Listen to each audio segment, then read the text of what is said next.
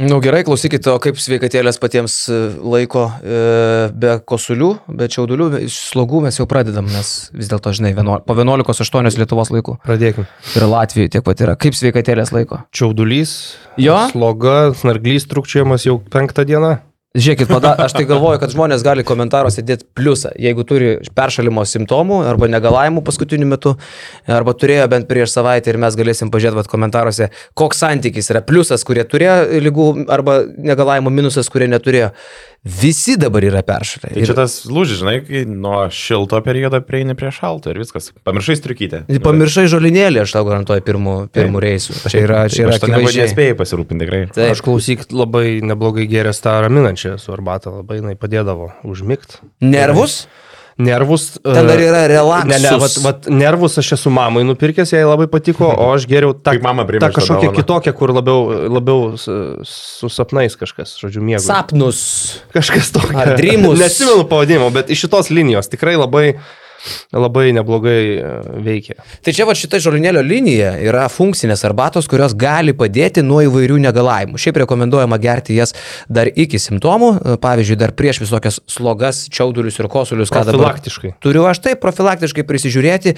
E, va, yra netgi parašyta tokiems adaptams kaip aš, sušalus, Ne? Čia irgi latiniškai. Kaip, kaip nervus, taip sušalus. Diletantus, tiškevičius. Diletantus, pavyzdžiui, detoksikus. irgi kartais detoksus čia gali būti reikalinga. Gastrus, varyti tau dovanų nuo manęs. Tokia va.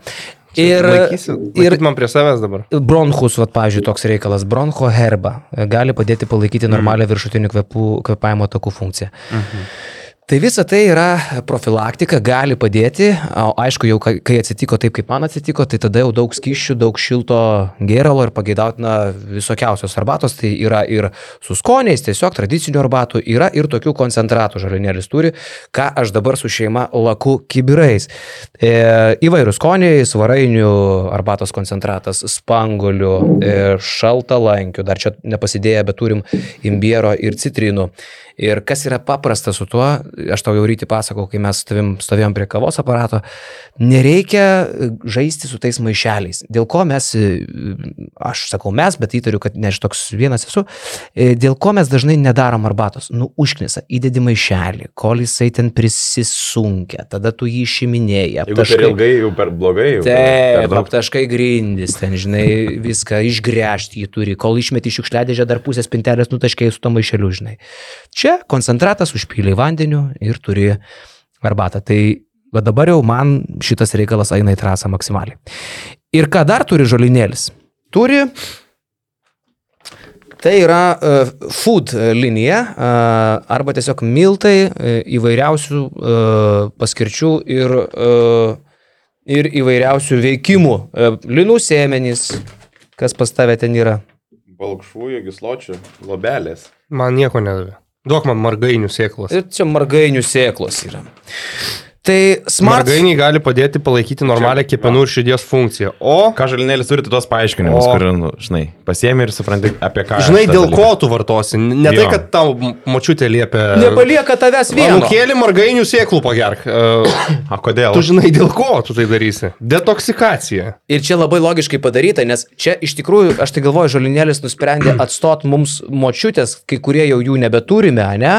Kai močiutės tau paaiškindavo, Dabar tai. jau mūsų karto žmonės nebesugeba paaiškinti, kas yra linų sėmenys. Ir aš pasiemu ir paskaitau, kad linai gali padėti palaikyti normalią virškinimo sistemos ir žarnyno funkciją, normalų kūno svorį. Ir atrodo įsimokslinęs, kompetentingas, gali aiškinti dalykus taip. apie šitą reikalą. Tai šitus miltus pageidautina po šaukštelį du, berti į maistą, į košės, į savo kepinius, e, netgi tiesiog profilaktiškai su vandeniu susimaišius išgerti ir gauti tų medžiagų, kurių 90 procentų iš mūsų stokoja ir su maistu negauna. O šiaip žolinėlis visiškai absoliučiai močiučių tradicijos, lietuviška gamybos kultūra. E, visa tai yra e, tuo pačiu interneto parduotuvėje, elektroninėje parduotuvėje OneLife basketnews.lt ir su nuolaidos kodu basketnews10 jūs gaunate 10 procentų nuolaidą, bet geriausia žinia yra ta, kad visai žalunėlio produkcijai spalio mėnesį, o iki jo pabaigos liko 10 dienų, taip kad žiemai reikia pasiruošti, yra taikoma 40 procentų nuolaida apskritai visai produkcijai OneLife LT ir su basketnews 10 gaunat papildomą 10 procentų nuolaidą. Super. Super. Viskas, būkite sveiki. O ką, e, apie gal... Apie krepšinį gal? Apie krepšinį. Product placement, tai padėk į vietą gal, kad gražiai būtų. Nereikia to gastrus. Ne, tai po laidos. Gerai. Pasimsiu. Tai apie, apie krepšinį, nu, turbūt nuo, nuo to, kas, kas aktualiausia. Kauno Žalgeris baigė dvigubą Eurolygos savaitę. Šitas turas dar tęsiasi šiandien ir dar sėsim prie krepšinio, bet Žalgeris savo reikalus jau Ispanijoje susitvarkė. Ir turbūt, kad susitvarkė Max gerai, kaip tik buvo galima tikėtis, viena pergalė iškovota ir ta pergalė iškovota labai labai užtikrintai. E, visas rungtynės kontroliavo Žalgeris, rungtynių pabaigoje įgyjo dar ir didelį pranašumą, kuris turbūt neblogai ir atspindi, kaip Žalgeris tvarkėsi su Čimo Monekė ir kitais. Tai e, nežinau, nuo ko pradedam, nuo Brady Meneko ar nuo ko nors kito. E, Brady Menekas su 14 atkovotų kamuolių, apie tritaškius dar pakalbėsim, pateko tarp dešimties geriausių individualių žalgrio žaidėjų pasirodymų pagal atkovotus kamuolius per visą klubo istoriją Eurolygoje. Ir yra tik tai penki žmonės, kurie kiti yra tame dešimtuke. Tai Lorenas Vucas, Paulius Jankūnas, kelios vietos Arvidui Saboniui ir pora, dvi, trys Tanoka Berdui. Praleidau dar galbūt kažką penki žmonės be Meneko. Menekas dešimtoje vietoje, keturiolika atkovotų kamolių ir aš žinokit galvoju, kad tai net ir neatsitiktinumas. E, jo, mes daug šnekam apie jo e, rankų ilgį - 2 metrai 17. Ir vakar buvo keli epizodai, kur tu matai, kaip jisai tiesiog savo rankų ilgių pasinaudodamas kepšteli tą kamoliuką arčiau savęs ir jį pasiema. Čia tai, ko mes iš jo jaučiu net ir nelaukiam taip daug kalbėję apie jo tritaškius. Nes pradžioje mes susidarėm tokį vaizdą, kad jis tiesiog stovės kampė ir lauks e, kamoliu ir lauks tos progos įsimesti arba lauks, kol jam sukurs. O šit, šit vakarykštės vaizdas tai buvo visai toks džiuginantis ir ne vien tik tai apie tos tritaškius, kas buvo akcentas jo didžiausias. Aš galvoju, kad nereikia dabar užsisvajoti, kad jisai bus dvigubų dublių mašina.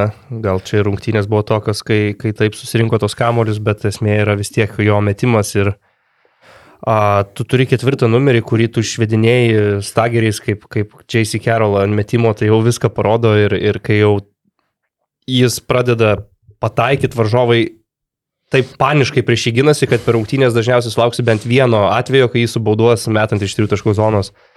Tai ir vakar tas buvo. E, sakyčiau, kad pagal tai, kaip jis išleidžia kamolį, tai dabar yra su juo lygintis galėtų nebent iš ketvirtų numerių Europoje Mirotičius ir, ir Petersas, turbūt daugiau nelabai ir sugalvočiau, uh, sugalvočiau kitų. Pagal grožį išmetimo? Uh, pagal stabilumą išmetimo, techniką ir tikimybę, kad žaidėjas gali mes 60 procentų taiklumų ir ilgesniai distancijai. Tai nežinau, iš, iš ketvirtų tokių grinų numerių nelabai ką daugiau ir sugalvočiau, bet tų, kuriuos paminėjau. Bet aišku, yra, yra, yra svarbus momentas, kad Meneko tokie pasirodymai ir tokios rungtynės a, daugiau parodo vis dėlto apie tai, kaip Žalgeris gerai žaidžia, o ne, o ne koks Menekas yra puikus. Nes kai tu turi tokį žaidėją, visų pirma reikia jį mokėti išnaudoti. Įstatyk jį į Baskonijos, tarkim, sistemą, Baskonijos žaidimą, kur Markusas Howardas mato tik lanką, nu, nesukurs jam ten tiek progų ir, tiek situacijų, kai Žalgiris jį ir užtvarom be kamulio išveda. Ir turi derinį, kur Ulanovas paustina dvi užtvaros menekui, kuris pakyla prie tritaškių išlaisvina. Ir pick and popą prasuka. Ir, ir labai įvairiai sužaidžia tam, kad jisai išmestų tos metimus. Ne kiekvienoje komandoje jį sugebėtų taip gerai, taip stipriai išnaudot. Bet akivaizdu, kaip jis dabar atrodo tai turėtų jį stebėti visi klubai Eurolygoje, elitiniai klubai, nes visi nori turėti ketvirtus numerius, tokius grynus metikus ir kiek jų yra realiai rinkui. Aš apskritai neatsimenu tokio žaidėjo su tokia rankelė žalgirė. Aišku, čia daug kas galėtų kokį nors ten Markusą Brauną priminti. Taip, Braunas, super metikas, viskas tvarkoja. Milas. Mm, Artūras Milaknis, bet aš gal labiau apie aukštaugius kalbėčiau. Kas žal, ar buvo žalgiri kada nors toks Mirza Teletovičius? Mm, nelabai gal. Gal svajojo, kad Damiros Markoto toks bus, kai atvažiavo į Kauną. Bet esmė ta, kad Žalgeris tai akivaizdu, kad ne pirmus metus ieško būtent tokio stiliaus krepšinko. Taleris Kevanau turėjo tarsi būti kažkas tokio, bet, bet nesigavo. Uh, Broką Motumą Žalgeris turėjo, kuris įmesdavo, ne, išplėsdavo. Aronas Vaitas, bandė. gal tai nebuvo jau pagrindinis arkliukas, bet, jo. bet jis įmesdavo iš tų statinių padėčių kažkiek. Tai, nu, re, realiai šio laikinėme krepšinėje yra labai nepatogu žais, kai tavo uh, ketvirti numeriai nemeta.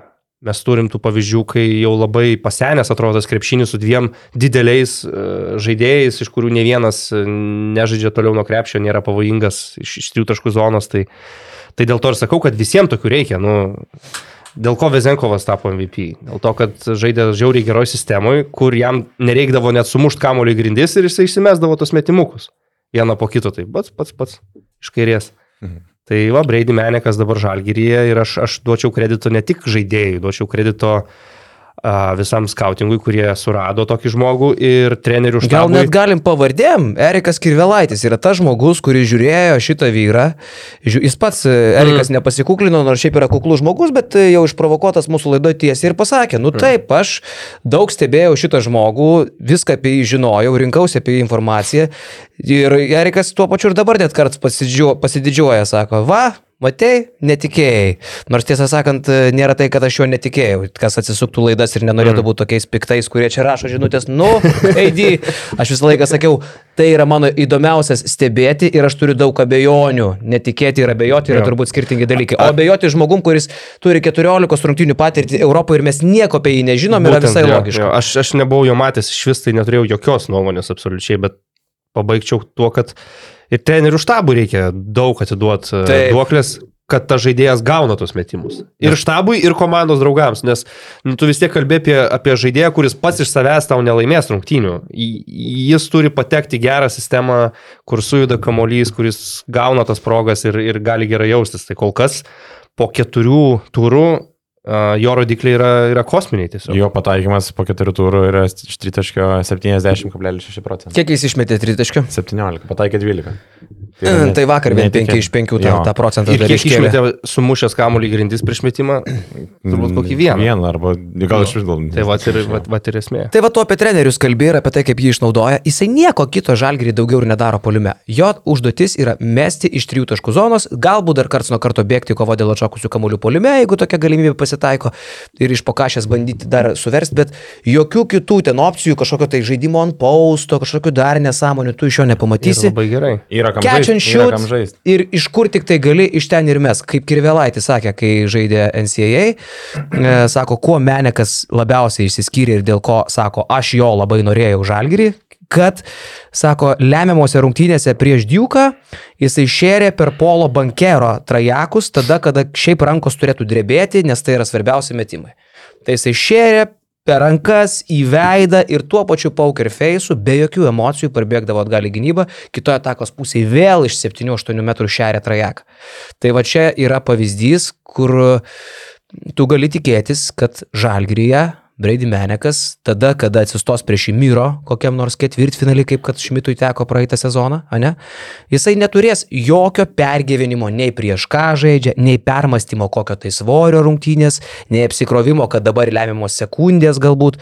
Panašu, kad Čia gali būti toksai žaidėjas. Kad jis ne, Max neapsikrauna, tai man atrodo, parodo, ant kiek jis yra ramus emociškai. Būtent apie tai aš ir kalbu. Matysi, kad spraginėja, jisai po gerą epizodą, po blogo. Nors norisi šiaip. Jo, norėtųsi, Kartais net norėtųsi, kad jis išrė... norėtųsi, kad jis prisijungtų prie tų žmonių, kurie rodo emocijas ir lieja jas per šonus. Tai va. Bet šiaip, jo, dar užbaigiant e, ir apie tos nuopelnus e, Žalgerio štabui ir e, skautingui. Uh, mes jau žinai, jį po keturių turų dedam prie tokio lentynai prie Mirotičiaus, prie Peterso, kur žmogus tiesiog žaidžia antrą sezoną. Aš sakykime, pagal uh, releasą. Jo, jo, jo. Nes nu Mirotičius tai dar, dar jau paustė ir visai. Jis turi tą išskirtinę savo savybę, dėl kurios jis ir atsidūrė žalgerį ir turi tą aiškę uždėti.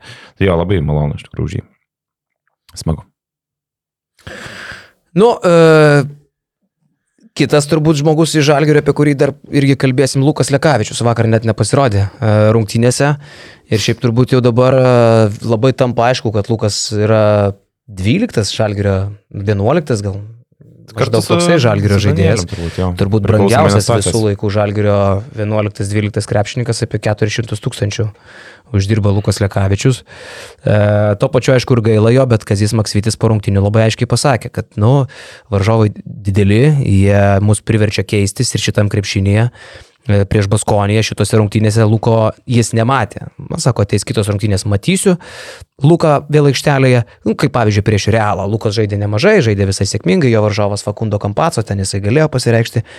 Bet Luko vaidmo pasikeitęs ir šiek tiek gal net ir gaila, kad, e, nu, Lietuvos rinktinės įžaidėjas, kaip ten bežiūrėsi, atsidūrė tokioje situacijoje, ne? Ir labai staigiai, labai staigiai toks, žinai, kuris ką tik dar žaidė didelės minutės ir daug žaidė, aišku, nes buvo kita žalgeri situacija, bet esmė, kaip dabar Lekavičius prisims šitą, kiek psichologiškai gali būti dalykas jam tas sunkus, kad, nu... Prie rolinio vaidmens jisai pripratęs, bet nežaisti, taip dar nėra buvę. Taip, plus vėl, žinai, sakytų ten žalgerio turbūt, kad, nu, ilgas sezonas čia bus kiti varžovai galbūt ir žais, bet kad visiškai nežais, va čia yra kitas dalykas. Ir kaip bus sunku prisimti šitą, šitą realybę, turbūt e, Lukui 29 metai, kažkada mes kalbėjom, kad, nu, ateis jam tas momentas, kai jau truks greičio ir tada viskas, Luko nebebus tokio ir nebe, nepriklausys tam lygiai, bet kad taip greitai viskas ateitų, aišku, jis, nu, jisai sveikas, uh, turi tą greitį viską, bet tokia realybė dabar. Nu, matyt, nelabai, nelabai tinka šiuo metu. Treneriui patogiau žaisti su atletiškesnių gynėjų prie Evanso pasistačius Dovi arba, arba Dimša. Turi dar tą patį Mitrulongą, kurį įvedinėjai į komandą, kur vis tiek yra kitoks žaidėjas. Ir, ir taip galiausiai gaunasi. Aš tik tai galvoju, kad iš psichologinės pusės Lukui Lekavičiu būtų labai sunku tapti krepšininku, kuris žalgiriui reikalingas LKL. Tu kalbėjai apie labai patyrusi Eurolygos žaidėją, kuris viską jau ir įrodęs, ką jis gali. Ir tai yra vienas iš tų lietuvių, kurie žalgeriui labai svarbus. Ir staiga jis taptų žaidėjų, kuris turi sekmadieniais pasvaly leisti atsipūst pagrindiniams. Tai, tai manau, kad būtų jam labai sudėtingas procesas. Kol kas jis arba žaidžia porą minučių, arba nežaidžia visai. Ir, ir tai, kad jis, tarkim, žaidė Madride, Ok, pasižiūrėkime į kontekstą. Rungtynės su Madrido Realu. Nebuvo Arno Butkevičiaus, jau keičiasi rotacijos. Galėjai tu jaus, kad Žalgirio treneriai, aišku, nori pabandyti laimėtas rungtynės, bet to pačiu nori ir pa- paskirstyti minutės, ir, ir, ir Dimša žaidė vos 10, ir tu jauti, kad realui gera, geras vakaras, ir tu net jeigu plėšysis iš paskutiniųjų, greičiausiai tų rungtynių nelaimėsi. Ir, ir čia net negali sakyti, kad, nu, tai žaidė prieš Kampaco, kitas mažiukas jam labai tinka. Markusas Howardas ir Niko Menionas buvo vakar aikštėje daug minučių. Tai, tai netame yra esmė, tiesiog e, šiuo metu gynėjų grandyje yra didžiulė konkurencija ir akivaizdu, kad Kazijui labiau tinka va tie tokie tvirtesni, kurie yra solidesni gynyboje, kurių nereiks slėpti gynyboje ir, ir jisai su jais važiuoja. Ir, ir dabar yra sužaistos kol kas geriausios šio sezono žalgerio rungtynės, tai net nelabai norisi kvestionuoti sprendimus. Tai reiškia, buvo geri sprendimai. Žiūrėsim, kaip bus, kaip bus e, sezono eigoje su, su Lauku ir koks bus jo vaidmuo tiesiog. Žinai, dar gerą savaitę buvo ir Dovydui Gedraičiui. Tai daugiausiai metimų išmetė Žalgerio krepšininkas vakar rungtynėse. Devyni metimai krepšį prieš sezoną, kas nors būtų pasakęs, kad Gedraitis bus, Dovydas Gedraitis išmes prieš Baskonijoje, prieš, e, e, reiškia, Vitorijoje prieš Baskoniją daugiausiai metimų į krepšį. Devyni metimai. Nu, būtum sakęs, įsiblaivyk. Nu taip tiesiog negali būti. Yra Evansas, yra Ulė, yra pripažinti lyderiai, dar gal Brasdeikis tuo metu būtų buvęs no. laukia matymo, ar Nazas Mitrulongas. Ne, Davidas Gedraitis, užduočių žaidėjas, bam, bam, bam, iš kraščiuko 3 iš 3 susimetė, metė 6 dvitaškius, 2 pataikė, 13 taškų ir kai Žalgiris traukia tokius rezervus iš kišenės, tai tada jau uh, nebelieka klausimų, kokio lygio yra Žalgirio puolimo nenuspėjamumas, nes mes neš, nešnekam paprastai apie Davidą Gedraitį, kai sakom, kad varžovam yra sunku skautinti Žalgirio puolimą. Dabar tu jau ir apie jį turi pradėti šnekėti. Jo, bet labai nesunku paaiškinti, dėl ko yra šitie skaičiai. E, tai Žalgeris, tarkim, pradeda starto penkitas Tomo Dimšo. Tomo Dimšo dengia Markusas Howardas. E, tai nebereikia Kynano Evanso agresyvaus žaidimo tiek daug, reikia žaisti per Tomą Dimšą. Tomas Dimša pradeda nuo pat pradžių uh, draskyti Markusą Howardą ir jo komišką gynybos parodiją. Hmm. Po to tą patį daro Davidas Gedraitis. Jeigu prieš jį varžovai stato Markusą Howardą. Davido Gedraičio visi tritaškiai yra iš kur? Iš stiprios pusės nuo jo žmonės eina į pagalbas. Iš kraštą. Nu, nes nuo jo eina į pagalbas ir jį palikinėja. Tai, Pasakyk iš krašto. Tai, tai, nesakysiu. Gerai. Tai e, Baskonija vis tiek ruošiasi rungtynėm, ar ne, daro skautingą. Ten jeigu žaidėjai neįsisavina detalių, čia yra, yra jų problema, bet, bet jie tikrai ruošiasi žalgiriui, ar ne. Ir apie kiekvieną žaidėją ruoždamėsi, jie kiek informacijos galėtų susirinkti apie Tovydą Gedraitį, tai turbūt jį traktuotų, kaip žalgiris traktavo Danį Diesą. Galim nuo jo nueiti į pagalbą ir parizikuoti ir atiduoti jam metimus. O jisai paima ir ramių veidų susimeta tos metimus ir, ir dar vienas prieš vieną išdrasko tą patį Markusą Howardą. Bet tai, kad vat, ir jis, ir Dimša, kiek Dimša irgi turbūt surinko apie 13. Mm, Dimša surinko lygiai Jie, 13 jie taškų. surinko tos taškus. Mitrulongas per labai trumpą atkarpą pasidarė taškus, ar ne? Evansas be daug didelio kiekio metimų irgi susirinko. Nu, nes buvo ganėtinai jokinga, kaip Žalgiris tiesiog pirštų badė į Baskonijos silpnasias vietas, kaip akivaizdžiai jie jas eksploatavo, kur apeik tą savo Menioną arba Howardą ir niekas net nesaugo lanko. Tu nueini iki laisvo lėpo. E, tai čia vėl trenerių štabui visišką duoklį atiduočiau, kad varžovas buvo išstudijuotas taip, kad polime buvo sužaistos idealios rungtynės, pastoviai mušant per tas jų silpnas vietas. Šiaip kelios vietos tai net absurdiškos buvo, kaip vat, tu irgi užkomentavai, kai Menijoną aplošė Mitrų Longas vienas prieš vieną ir gerokai toliau nei už tritaškio linijos tai buvo ir visas kelias iki baudos aikštelės buvo tuščias. Ir Kocaras niekas atsukęs. nestabdė, jokia muitinė, tu tiesiog ėjai ir nuėjai. Jo, jo, jo. Ir, ir esmė, kad Kocaras tuo metu, tarkim, turi prieš save birutį, tai nėra taip, kad tau reikia būti toli nuo lanko. Nu, bet čia gaunasi tada kaip e, NBA krepšinis, kur yra 3 sekundės gynybo ir platė aikštėje, įveiks savo žmogų viens prieš vieną ir greičiausiai jau nueis iki lanko. Ir Žalgiris tų epizodų tokių sukūrė daug. Labai daug. Nu, Krapikas pasakojo fi filme Biletas, kaip tik premjera buvo šią savaitę, vėliau galėsim dar apie tai pasikalbėti, sako, kaip e, prisipirkdavom, sako, Ispanijoje tokių pigių batų po dolerį, niekaip nesuprasdavom, kodėl jie tokie pigus, o pasirodo, sako, jie yra skirti lavonam, mirusiems per laidotuvę, sako, popieriniai padai, žinai, ir vat sako, tu vaikštai ir tiesiog ta, to pado nebelieka, jeigu tik tai ant, ant šlapios žalės, ant žemės pavaikščiai.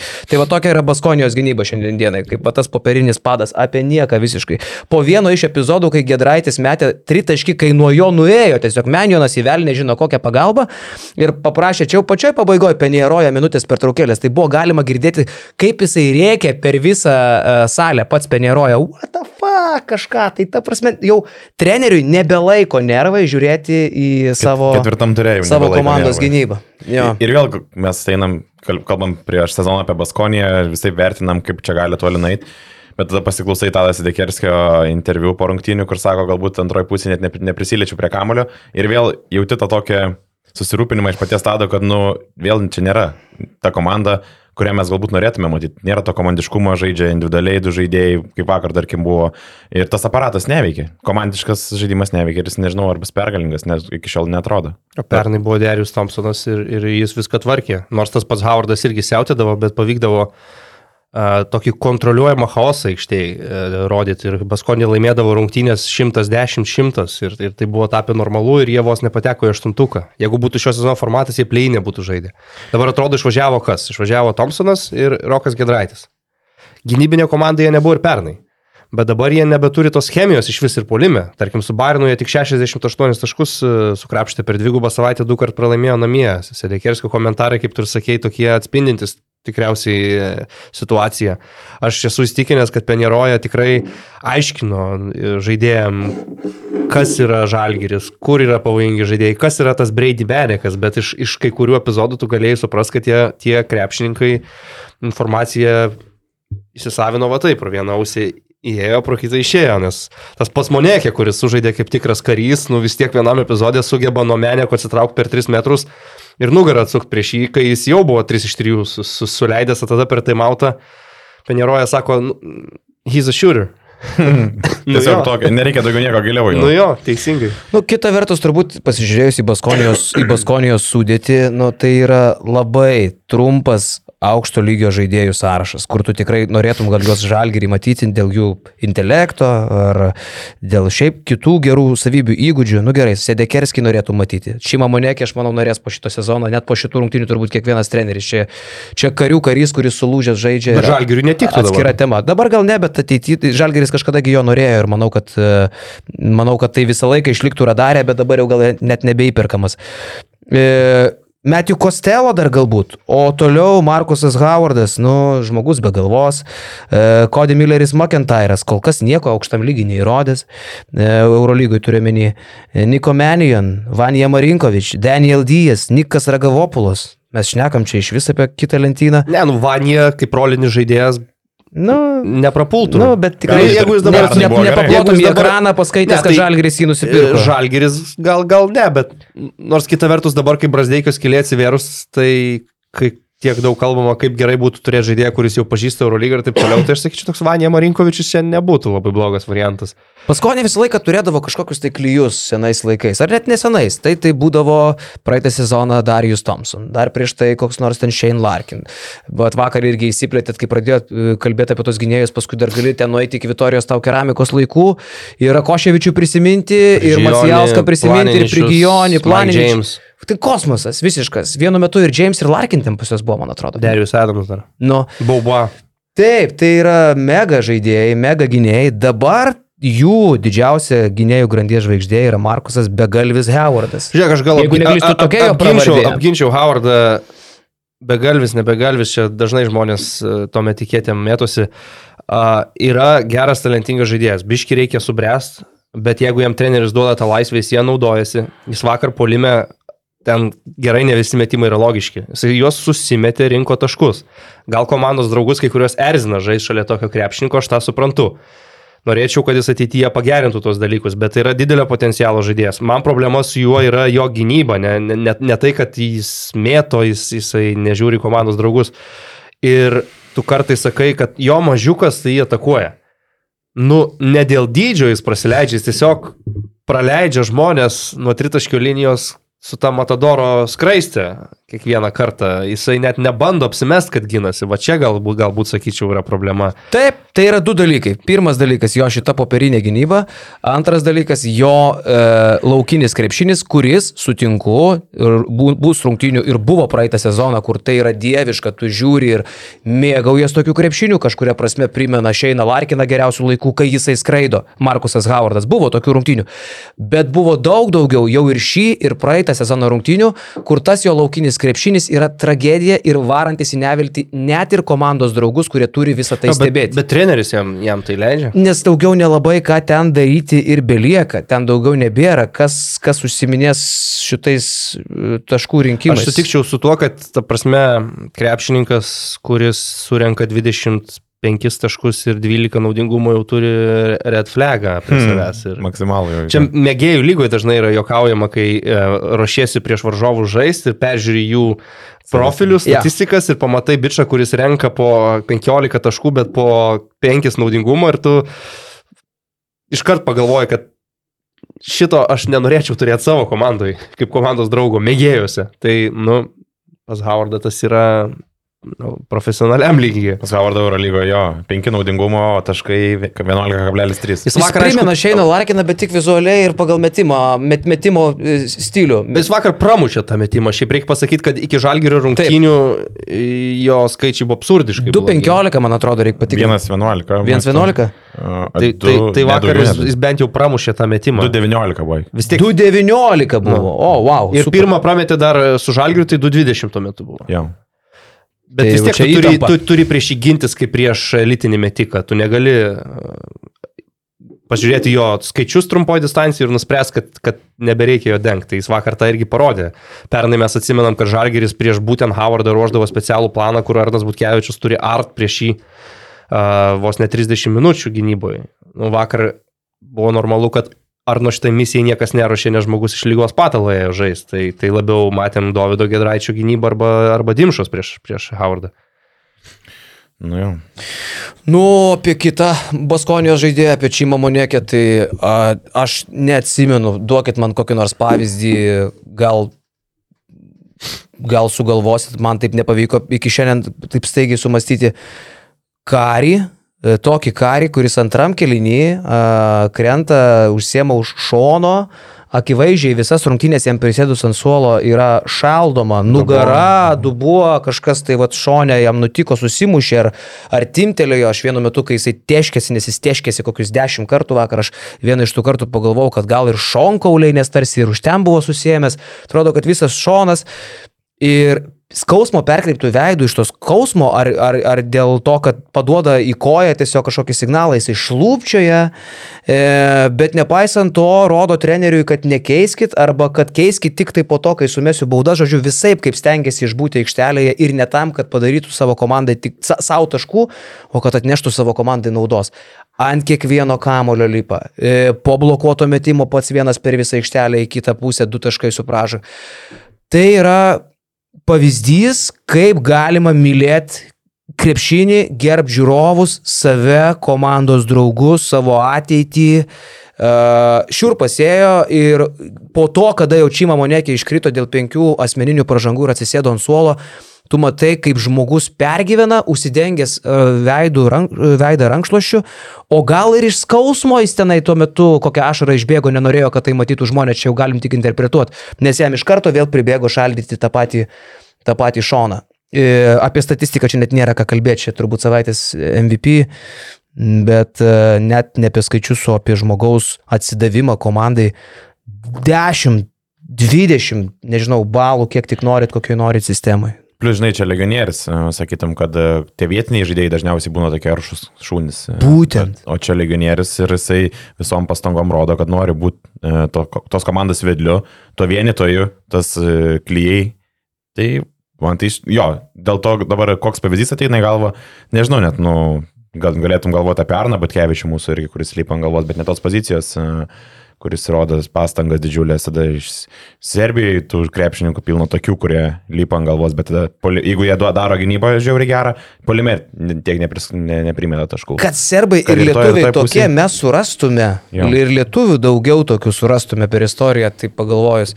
Nu, nu, man geriausias palyginimas būtų su kitu ikoniniu ketvirtų numeriu Baskonijos uh, buvusiu uh, Šengelėje. Tai panašių pasirodymų jisai surengdavo, kai žaidė už Baskų klubą, irgi dominuodavo, irgi būdavo tų monstrinių skaičių, ten 30 naudingumo ir panašių rungtynių. Tai čia kažkas, sakyčiau, iš, iš, iš tokio repertuaro ir, ir plus, vat, kaip tu pasakai, kad ne vietinis žaidėjas, tai realiai Baskonė yra unikali uh, komanda, kuri realiai neturi tokių, tokių žaidėjų, kurios, vietin, jų vietinis žaidėjas yra Tadas Rekerskis.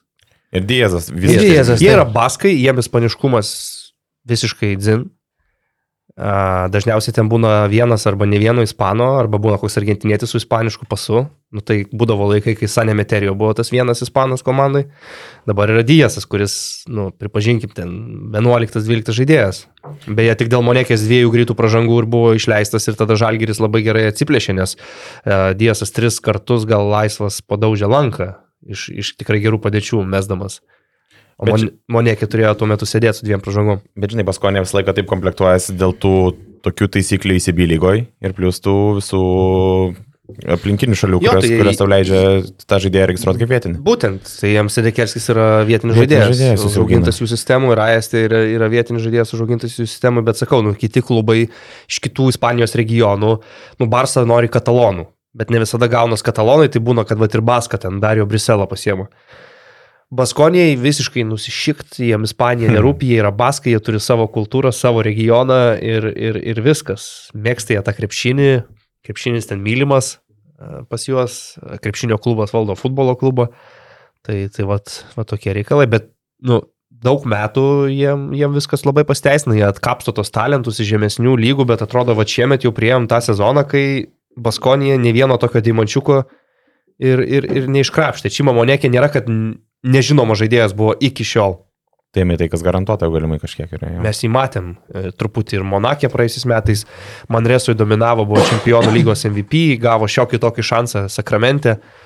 Aišku, vakar jisai susimetė tų tritaškių, kas nu, šiaip jau Žalgiris e, norėjo jam leisti tuos metimus mes ten. Jau vienas buvo, kad tranzicijų sustojo ir iš, iš, iš, iš trajeko metą, kur jau desperacija Baskonė atsilieka ten 12 taškų ir bando gelbėti rungtynės. Tai... Bet šiaip ger, gerai jis metė tos tritaškius, net, net ir tie nepataikinti gerai. Ėjo, su gerom trajektorijom, bet... Kazis Maksvitis nebereikalo pasakė, kad neberizikuosim taip Kaune, kad šiek tiek rizikas keisim, nes akivaizdu, kad tu negali taip su Monekė iki galo. Nu, jis taip pasakė, bet iki tų rungtynių Kaune daug laiko ir jeigu tas rungtynės Monekė atvažiuos būdamas 18 procentų metikas iš toli, tai, tai, tai, tai rizikuos daug, daug jeigu, bet, bet ko gero, kad e, vakar mes pamatėm, kad e, Kazis Maksytis pamatė, kad bent jau tose, šitose rungtynėse rizika prieš Monekę ant tritaškio galėjo būti ir mažesnė. Bet žinai, jeigu Menekas eitų iš arti dengt Monekę, tai būtų į pavėsį padėti. Tai vad Meneko čia kit, kitas dalykas turbūt yra. Vat aš netikiu, kad Markusas Howardas kad nors pradės gintis, bet kad Brady Menekas, e, kuriam dabar kokios jubilėjinės 20-osios rungtynės Europoje gal buvo, spėčiau, per visą gyvenimą jo.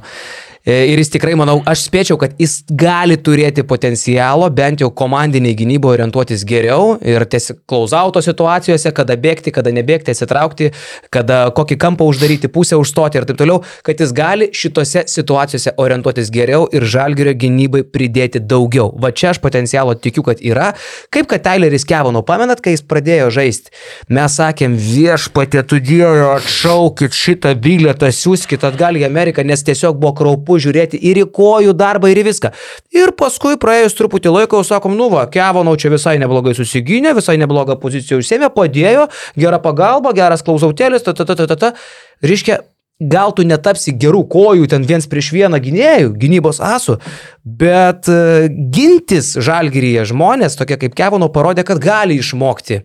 Tai kai Menekas šitą padarys, aš tikiu, kad padarys. Va tada mes šnekėsim apie apskritai įdomų bičią, nes Jo, bet vis dar yra jausmas, kad vienoje aikštelės pusėje 3 taškai, kitoje aikštelės pusėje klaida gynyboje. Jo, tas vienas epizodas buvo, kur įmetė tritaškį po 3 sekundžių Monekė Jo. užbėga 2 su bauda, bet aš sakyčiau, kad man nėra didelių problemų su jo gynyba. Esmė ta, kad, nu, taip, fiziškai galingi ketvirti numeriai gali pataranuot kažkiek tai. Bet kiek yra fiziškai galingų ketvirtų numerių Eurolygoj?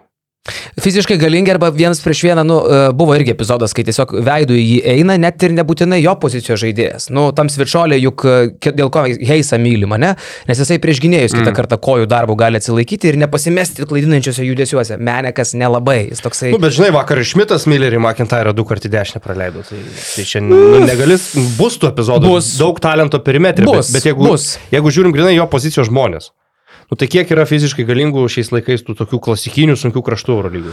Trys. E, Aš galvoju, kad Trys. Meneko bėda net nėra viens prieš vieną ant pausto prieš ką nors atsilaikyti. Jisai pakankamai dar neblogai ten laikosi, šiaip jau. Ne, tai ne ant pausto, bet monekė įeina veido, ne, iš- jis laikos atstumo neleidžia mes tritaškio, monekė eina į jį su jėga, padaro dar kažkokią verpstę, kažkaip jį pralenda, nu tai sakau, yra šengelė, yra monekė, yra jebuselė. Taip. E, nu tai čia ir kartais net ne fizinės jėgos klausimas, mm. o klaidinančių judesių Ne, aš klausimas. tik sakau, man nėra problemų su ta jo gynyba, jinai nebus kažkokia elitinė. Taip. Bet man atrodo, kad jeigu pa žmogų galva vietoje, o pas jį panašu, kad taip ir yra, tai viskas yra ok. Aš dar galvoju, žinai, pas jį daug kas iš to jaudulio atsiranda. Pavyzdžiui, kad Kaune atsimeni prieš Zvezdą buvo situacija, kai Žalgeris turi keturias komandinės, tas išeina į aikštelę ir pasiema baudą, penktą komandinę lygioje vietoje, kur ten nereikėjo ir meta baudą Zvezdą. Pameni šitą momentą? Nepamenu, nes nemačiau rungtynių. Ai, nu, labai. Ir taip priejo prie Jo, to. jo. jo, ten Ir čia toks gali būti, kad dar iš startinio jaudulio. Nu, panašu, kad bičias yra intravertas. Panašu, apie tai kalba ir klubas. E, Ir jo kolegos apie tai šneka. Ir, nu, gal jam daugiau laiko reikia priprasti. Ir prie didelės salės, naujos lygos, naujų žiūrovų, naujo aš, prie suvokimo, kad štai etapas, iš kurio tramplinas, nuo kurio aš atsispyręs galiu eiti į aukštesnį lygį, visą tai jaunas žmogus permasto savo galvoj. Ir aš startuoju, debituoju, dabar turiu gerai pasirodyti. Visko galvoju daug, išeini, bam, durna bauda. Ir aš mačiau Bolonijoje, kaip jisai po savo kvailo epizodo sėdo ant suolo, kadangi buvau per penkis metrus nuo žalgerio suolo, kaip jisai eina ir tu matai, blia, a, jisai rėkia ant savęs iš nepasitenkinimo, kad jam nepavyko, tu matai, kad jisai viduje degas sproksta. Taigi, kai žmogui nėra pofik, kai jisai taip tą savį pergyvena, taip tą savo tą, vat matosi, kad akcentuojasi, aš jaučiu, kad e, čia situacija bus daug geresnė. Ir dabar dar atsakysiu, Aurimas rašo, žiūrėk, lauksim atsiprašymo dėl maneko, atsiprašymas, aišku, parašo Esu klaida. E, tai Aurimai, lauksiu tavęs nebalsuojant už Eduardą, Eduardą Vaitkų Lietuvos Respublikos prezidento rinkimuose, nes panašu, kad tu tiesiog negirdi, ką tau šneka žmonės ir tikiu, kad taip gali netyčia balsuoti už Vaitkų. E, tai apie Meniką, e, baisiausia, kad tokį žmogų tikrai gali pradėti medžioti kokią nors e, vėl Tai čia labai realu. grandai. Žalgiris jo yra pasirašęs vienas plus vienas. Tas pliusas, aišku, suprantam, kad nu, jisai nieko negarantuoja, tiesiog yra menka turbūt išpirka. Ir Žalgiris turbūt nu, nebeišsaugo šitą žmogaus po sezoną, jeigu jis taip toliau žais. Vėlgi mes kalbame po keturių turų. Uh, bus įdomu žiūrėti, kaip kitos komandos ruošis prieš jį, kokią gynybą paruoš, uh, Bet mes ir pažymėjom tą pačiu, kad priority labai negali būti, nes beveik kiekvienas rungtynės subaudoja ir jisai pasidaro vis tiek tos taškus nuo baudų metimų linijos. Bet esmė, kad kaip varžovai ruošis prieš jį, kaip spręs tuos visus uh, išėjimus, uh, kaip rotacijas dėliosis. Tai čia bus įdomu žiūrėti ir kad jisai tik nepranyktų, kai varžovai duos galų galę tą patį fiziškumą jam. Va čia bus klausimas tada, kaip jis atsilaikys. Bet tikrai atkreiptas dėmesys į jį jau yra dabar, nu, pasižiūrėkime į elitinės tas komandas vadinamas Eurolygos, e, kokius žaidėjus jos pasirašo, kurie turi būti polimą plečiantis aukšta ūgiai. Petras Kornelyje atsidūrė Monakė. Nu, nėra taip, kad kažkokia žvaigždė, mega, mega, mega žaidėjas. Olimpijakosas apsistato su Petersu Sigma ten, nu, apie, apie Panatinaikosą ten gal nereikia kalbėti, ten visą komandą iš naujo susikomplektavo, ten dar net pozicijos kai kurių žaidėjų nėra iki galo aiškus, bet, nu, tarkim, toks ten Konstantinas Mitoglų jam yra svarbus, nes gali mesti krepšį, aišku, dar ir yra, yra, yra graikas. Madrido realas ten daug metų, aišku, turėdavo Elitą, Randolfą, Tompkinsą, dabar turėjo buselę, tai ten yra kita lentyna, juos ten jau palieki, ten Mirotičius irgi yra savo atskiros kategorijos žaidėjas, bet realiai, taip einant per visas komandas, tu randi to žaidėjus, kurie pagal profilį yra ketvirti numeriai išplėšintis aikštę. Bet nu ne vienas iš jų nepanašus į tą, kuris galėtų šaltų veidų penkis iš penkių susimest stabiliai kiekvieną naktį, jeigu tik tai yra laisvas, jeigu tik gali, e, gali išsimest. Ir, ir galų gale koks jo tas seksualus išleidimas yra kamulio. Jo Ten epizodas, kur prieš jį stovi Menionas, kuris yra mažiukas. Ir stovi pakankamai arti. Bet kai toks žemas žmogus prie stovi, jis turbūt net nelabai jaučiasi savo metimą išsimeta ir pataiko ram, ramiai visiškai. Tai Aš sakyčiau, kad tikrai jį turėtų atidžiai, atidžiai stebėti ir čia galima net e, prisifantazuoti apie NBA skautus, ne tik Eurolygos skautus. Aš manau, kad jo toks tikslas yra. NBA irgi yra, tokių, yra didžiulis poreikis tokių žaidėjų, tai kad amerikiečių tikslas toks yra, tai yra faktas, bet žinai, su NBA, kad jisai šiandien galėtų išeiti už Charlotės Hornets ir rinkti taškus, tai yra faktas. Bet Charlotės Hornets komanda prieš sezoną turi tikslą pralaimėti, kuo daugiau rungtynių nelaimėti. Tai buvimas NBA žaidėjų yra klausimas to, ar tu galėtum būti geros NBA komandos playoff rotacijoje. Tai va dėl šito greičiausiai ir yra tie visi gynybos ir visi kiti tie tie klausimai, bet jo metimas, nu tai čia. Nu ir Brady Menekas yra viso šitos seksy žalgerio komplektacijos tiesinys. Tu įsivaizduok, vat mes daug šnekam, kad Baskonija tragiškai gynasi, taip, jie gynasi tragiškai, bet kita vertus, prieš šitą žalgerį sunku gintis bet kam. Aikštelė yra e, Kino Nevans, e, koks nors vakar Dovydas Gedraitis arba Tomas Dimša, kurie iš karto kelia grėsmę, jų žaidimas prasideda ir ne, nuo Dimšos pradėjom su Gedraičiu baigiam. Mm.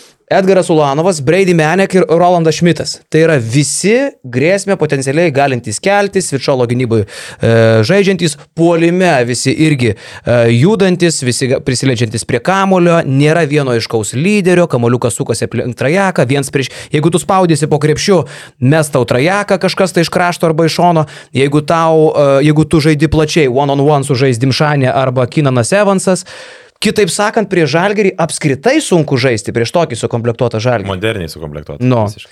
Aš sutikčiau, kad nėra lengva, bet tuo pačiu dar visiškai nepulčiau čia hypinti nei komplektacijos, ne. nei, nei komandos, nes paprastas dalykas.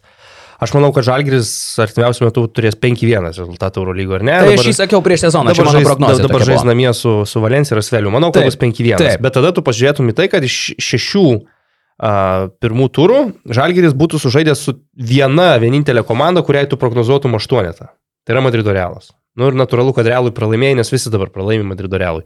Uh, su Bolonijos Virtus Žalgeris man atrodė prastai.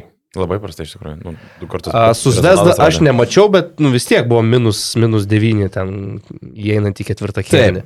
Reikėjo sugrįžimo, sprogimo, ten Žalgerio arenos atmosferos ir taip toliau.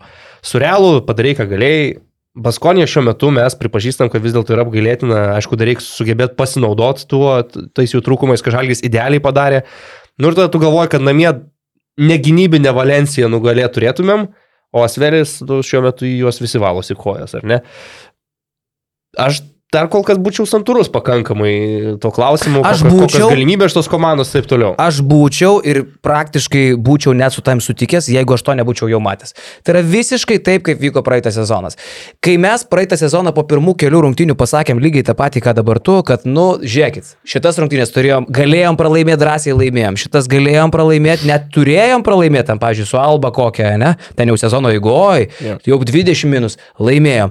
Ir ten tokių rungtynių buvo gal 10 praeitą sezoną. Tai tada jau kažkur ties kokiam 7-8 pradėjom sakyti, nu, kad galbūt čia ir tam tikra žalgerio tas sėkmė.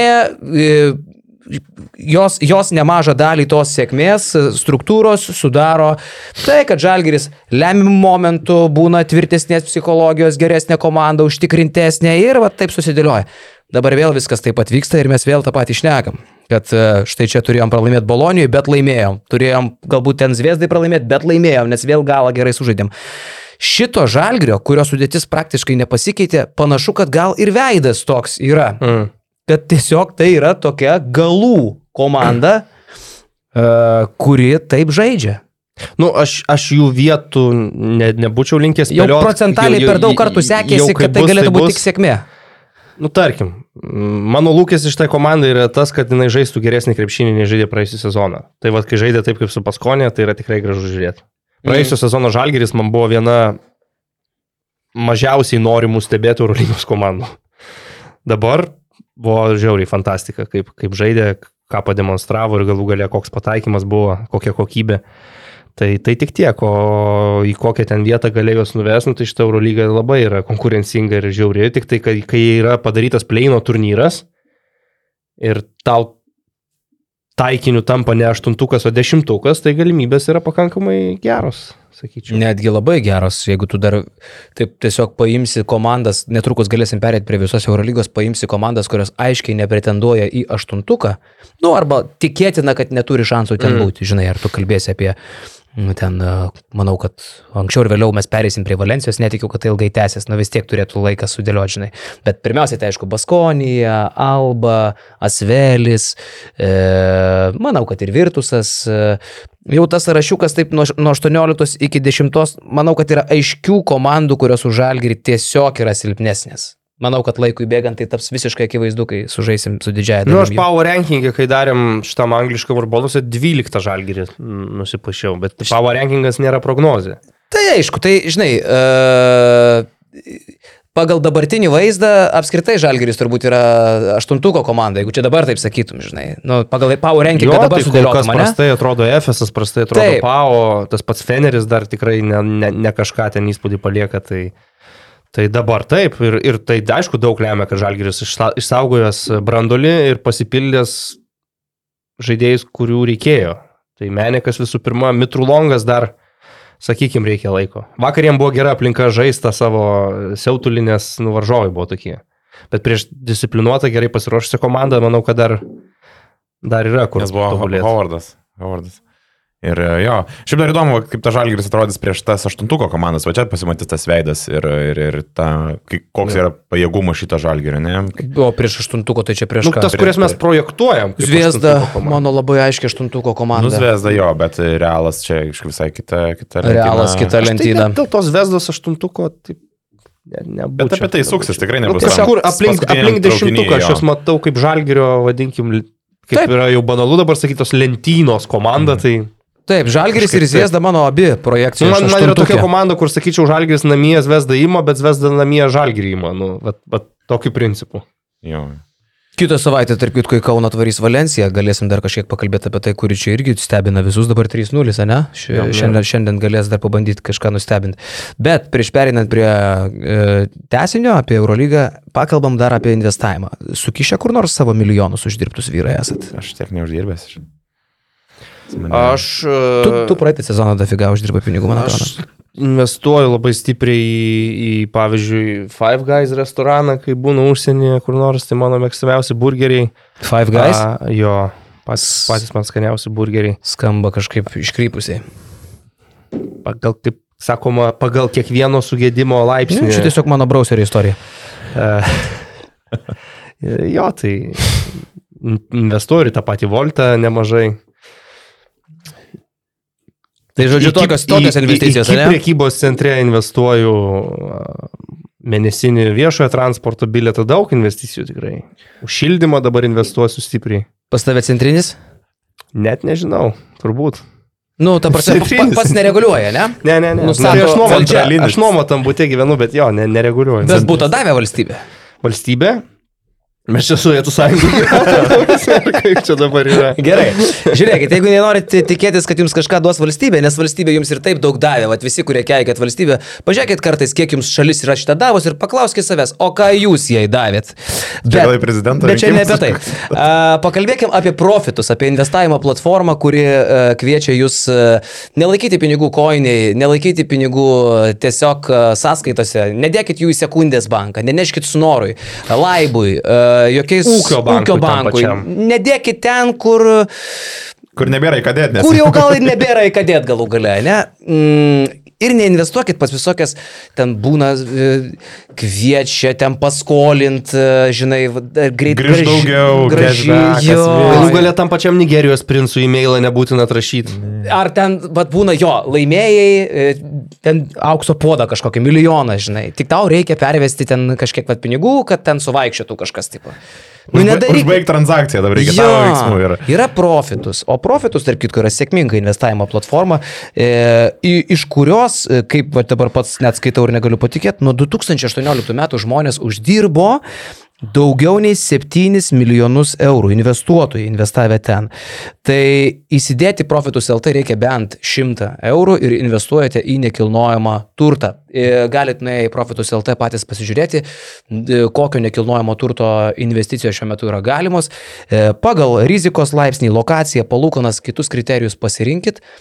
Ir e, vidutinė palūkanų graža e, per metus, tai yra jūsų uždarbis viršyje 10 procentų, jeigu tiksliau 10,26. Tai įdėjot 100, gali tikėtis 110, įdėjot 1000, per metus gali tikėtis 1100. Kitaip sakant, e, infliacijos akivaizdoje, nors dabar ji kažkiek mažesnė negu praeitais metais prognozuojama, bet vis tiek e, verta nelaikyti babkių tiesiog. O mes dar turime ir savo kodą Basket News brūkšnelis 25, su kuriuo gausi 25 eurų dovaną investavimo pradžiai. Tai įsidėjot 100 eurų, gaunat 125. E, Profitus ne tik tai užsiminėja investavimu, bet taip pat ir vykdo visokias švietimo, edukacijos e, programas, e, moko jaunimą apie finansus, apie finansinį raštingumą, ir pasakoja apie tokius dalykus, netgi kas galų galiai yra palūkanos, kaip gyvenime susidaro e, pinigai, iš ko jie susidaro, nuo ko priklauso infliacija ir taip toliau. Profitus LT investuokit, bet nepamirškit, kad investavimas yra ir rizikingas dalykas. Čia Viską reikia gyvenime nėra garantuota gyvenime. pamatuotai ir protingai. Taip. Eurolyga.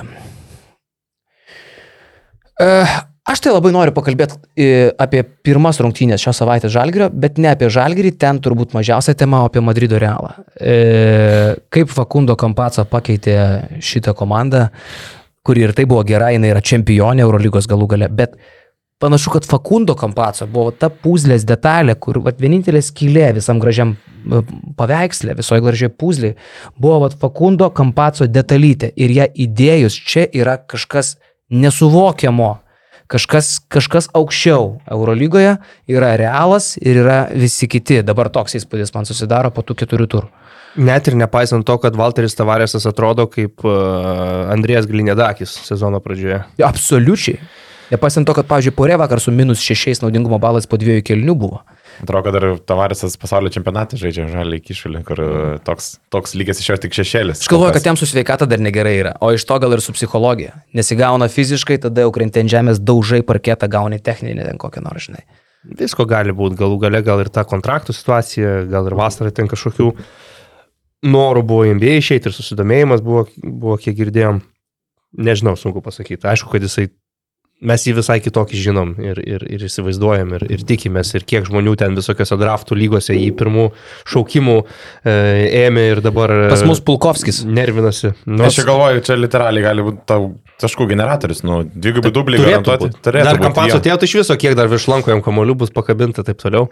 Bet greičiausiai sutvarkys ir šitie dalykai, o, o šiaip tai, nu, nieko čia nėra naujo, realas visada buvo 15 žmonių komanda, kur turi prieš rungtynės paruoštą rotaciją, kada kas įeis, kada kas kiek minučių žais ir, ir tiesiog e, po to, kai išėjo Dončičius, o paskui išėjo ir Kampaco, nepavyko jam iki galo užsipildytos į žaidėjo pozicijos ir jie buvo tapę iš tos seksy komandos tokie, kur kaip tik pradeda žaisti klampesnį krepšinį, per kančią kartais netgi laimėtas, jų titulas pernai irgi per kančią daugiau laimėtas ir, ir, ir per, per tuos visus dalykus, kurie įvyko serijoje su Partizanu. Tai Kampaco gražina visą tą krepšinio grožį į Madridą, nes visi pasirašymai, paskui ieškojimai nebūdavo ten tokie sėkmingi, Williamsas Gosas ir, ir, ir, ir taip toliau. A, tai jo, nu, tu turi žaidėją, kuris visus aplink padaro geresniais, pakelia komandą į aukštesnį lygį. Man įstrigęs yra tas vienas epizodas, kai prie Žalgirį Realas žaidžia pick and rollą kairiam pusiau krašte. E, Kampacu turi kamuolį prie kairės rankos, e, Žalgirio žaidėjas Barosdovis Gidraitis iš silpnos pusės leidžiasi baudos aikštelę, kad pristabdyti besileidžiantį po krepšių Berots poirė, kas yra tuo metu logiškas sprendimas. Ir, nu, trajektorija, per kurią galėtų Kampaco nusiųsti kamolį iš tos, tos pusės į silpną pusę koserų yra beveik neįmanoma paprastam žaidėjui. O jisai nuo savo silpnesnės kairės rankos va, tokį kamolį tiesiog pasuka ir tiesiai koserų į rankas jisai lekia. Magas. Pro tris žalgyriečius tai... Jis yra magas. Taip, tie plišėliai, ką jisai mato jo ir tie pasai. Tai, bet tokie... ir Rodrygėsas tą patį, nu, net, aišku, ne taip jau, nes čia vienintelis ir nepakartojamas kampaso, bet tu pažiūrė, kaip Rodrygėsas su poirė komunikuoja ir irgi tuos alejupus va tokius dalina. Vakar e, tiesiog fragmentai įjungiau ten kars nuo karto vis į realą. Tai pas juos tokie eina, alėjupai. Pamatė, kad bė, parbėga kažkur į žaidėjų ir va tokį va kabina alėjupą. Aš, aš tiesiog hujėjau. Yra toks žodis geras, žinai, apie, apie realo žaidimą ir apie kūrybą. Jo, ir pairėtos neįmanomus kamolius ten pasigauna. Kur su žalgeriu buvo sugrūda. Toks, ten jau pora tokių, kur tikrai matosi, kad nėra tas perdavimas net geras, bet jis vis tiek sugrūda. Uh, priminsiu, kad Žilvinas Aleksandrovičius Čiūsą Mateo buvo atleidęs tiesioginė meterija dar praėjusią sezono metu. jo, jo, ir ne vieną kartą. Tada dabar prašau. Be darbo. Čiūsas prie vairo, pergalės, pergalės kapsi. Uh, aišku, sukomplektuota komanda dominuot laimėti reguliariojo sezono formatą dviem frontais ir Ispanijoje ir Eurolygoje, nu, bet tai vis tiek yra komanda, kurią kas gali sustabdyti. Finalo ketvirto formatas. Taip, vienas taip, rungtynės. Taip, tą patį sakau, finalo ketvirtas jiems garantuotas, o ten jau formatas toks, kad vienas rungtynės. Tai per vienas rungtynės visko būna nutinka, bet e, kad pagrindinis favoritas bus finalo ketvirtą, tai yra faktas. Ne, nu tu šiaip kartais žiūri su tokiu pavydu ir kartais gal net pasišlikštėjimu, kad yra komanda Eurolygai, kuri gali 8 minutės per rungtynės leisti Mario Hezonė, pavyzdžiui. Nes te, tą dieną jie taip suplanavo kurie turi traumuotus Abaldę ir Aloseną ir apie tai net turbūt nu, ir gali net, ne, dar, net sakykime, nepagalvoja. Nėra, nėra gal žaidėjai kažkokie labai išskirtiniai, bet tu kartais pamastai apie Hezonijos galimybės e, vidutinį Eurolygos komandai. Ką ten Džananas mūsų išdarinėtų už Baskoniją žaisdamas, kokios būtų jo statistikos eilutės ir panašiai. Tai realas gali šito žaidėjus per dvigubą savaitę antradienį vienas žais daugiau, ketvirtadienį kitas žais daugiau. Čia dar Rūdžiui duosim atkarpų, dar, dar Koseras įeis į, į, į rotaciją, paskui, tave... paskui sekmanį Ispanijoje dar kiti žais taip, taip, lygandesą. Nu. Pas tave nepalošė brangiausias Eurolygos centras Valteris Tavarešas ir tu dėl to net nesuki galvos, nes tu turi Vinsaną Porė, kuris bet kurioje Eurolygos komandai būtų pagrindinis centras. Pasakykit man no. nors vieną kitą Eurolygos komandą be Realo, kur Porė nebūtų pagrindinis centras. Gal Oli, Milutinovas gerai atrodo. Dabar. Right, viskas tvarkoja, nu ten yra kitas. Nu, kit. Kitoks, sakykime, centras, bet jis tikrai labai neblogai atrodo. Taip, taip, taip, taip. Daugiau Milutinovas yra Milutinovas, daugiau, daugiau tokių variantų turbūt nebūtų. Sunkiai. sunkiai. Čia bet kuriuos iš jų žaidėjus paimti turbūt tik išskyrus veteranus, nu tai visur startuoja. Bet tie veteranai yra dar nauja realo žavesio dalis. Žiūri, Kiekvienais taip. metais mes atrodytų jau užsakinėjom šarvojimo salę jų karjeroms, jau tuos sumuštinukus vieno kasnio pasidėję, jau kitam kambariukė ir kažko stipresnio, žinai, gal ten tyliai. Jo, ir kiekvienais metais jie sugeba vėl vėl ir vėl įrodyti, kad gal dar net ne šiemet apie jų karjeros pabaigą reikia kalbėti, žinai. Ar tu paimsi Jūlą ar Fernandes ar Sergio Rodrygėsą, tu nepasakysi, kad jie čia kažkokie jau nueinantis. Ką, vakar, pavyzdžiui, Jūlas išdarinėjo, E, trajekai tie visi, iš krašto du, ten paskutinė sekundė iš kem 5 laipsnių kampo vienas. Tai yra kažkas unikalaus. Tai atrodo, kad aš žiūriu tą patį jūlą prieš 10 metų. Taip pat Rūdį turės žalgirių irgi pirmoji pusė buvo be nenaudingiausias žaidėjas, jis ten 14, taš- 14 naudingumo susirinko per, nežinau, per 10 minučių atkarpą ar kažkas tokio. Žmogus už rinktinę žaidžia vasarą. Nu. Su tuo 20 kg to paralonu, kuris laikas galvoja, jo, kad kuo čia- anksčiau nusileisti. Nu, čia Jo, ten įspūdingai jie tą kultūrą yra sukūrę ir, ir mes dar net nepaminėjom. Kultūra, labai gerai pasakėjai, tai yra kultūra, krepšinio kultūra, ten net ne šiaip klubas, Jo. ten yra kultūra nuo senimo va tokio iki Dianė, Ilimanė Dianė kažkoks yra, ar ne Ilimanė, Ne, ar ne, ne. kažkoks tai... NJ. Ne, ne, ne, ne, yra dar 16 metų jo, centras. teisingai, taip, taip, taip, Dianė, taip. kažkoks, taip. Oi, pamiršau Ir pavardę. jisai su Barcelona pradeda rungtynę starto penketę. Jo, E, Realas turi geriausią akademiją Europoje, nes kai kurie... jis gerai pradeda, jis ten gerai jaučiasi. Mes kartais pamirštam, kad kai kurie klubai Europoje iš vis neturi tokio dalyko kaip akademija. Jiem nereikia. Jų klubas yra tiesiog pagrindinė komanda, sukomplektuoti 12 ar ten 14 žaidėjų, nu Milanas, pavyzdžiui.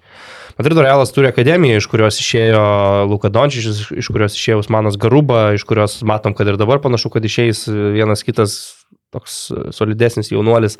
Tai Realas ir Barsas šiuo aspektu tikrai yra stiprus pavyzdžiai, kad tu turi dėmesio ir tą jaunimo sekciją. Nesvarbu, kad talentus auginti Europoje neapsimoka, bet tu vis tiek tą darai ir, ir, ir, ir tą turi.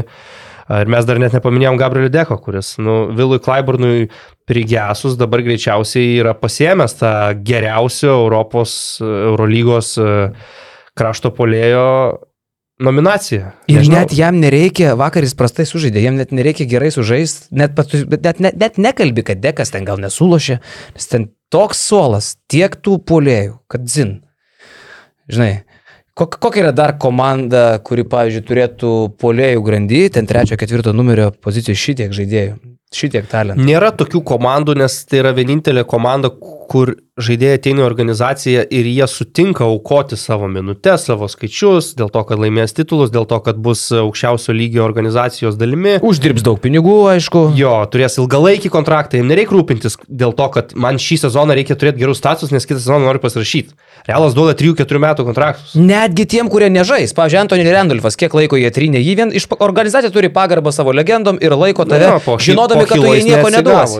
Taip. E, tai, tai be abejo, tau labai patogu ateiti tokią situaciją. Kitose komandose tai būtų neįmanoma. Ateitų Hezonė, pasirašytų vienas plus vienas su Panatinaikosu ir jam sakytų, nu, po 11-12 minučių dabar, dabar žaisi. Tai, nu, tai, tai tiesiog neįmanoma. Kitom komandom problema būtų turėti per daug e, talento ir per daug žaidėjų vienoje pozicijoje, nes tada prasideda problemos.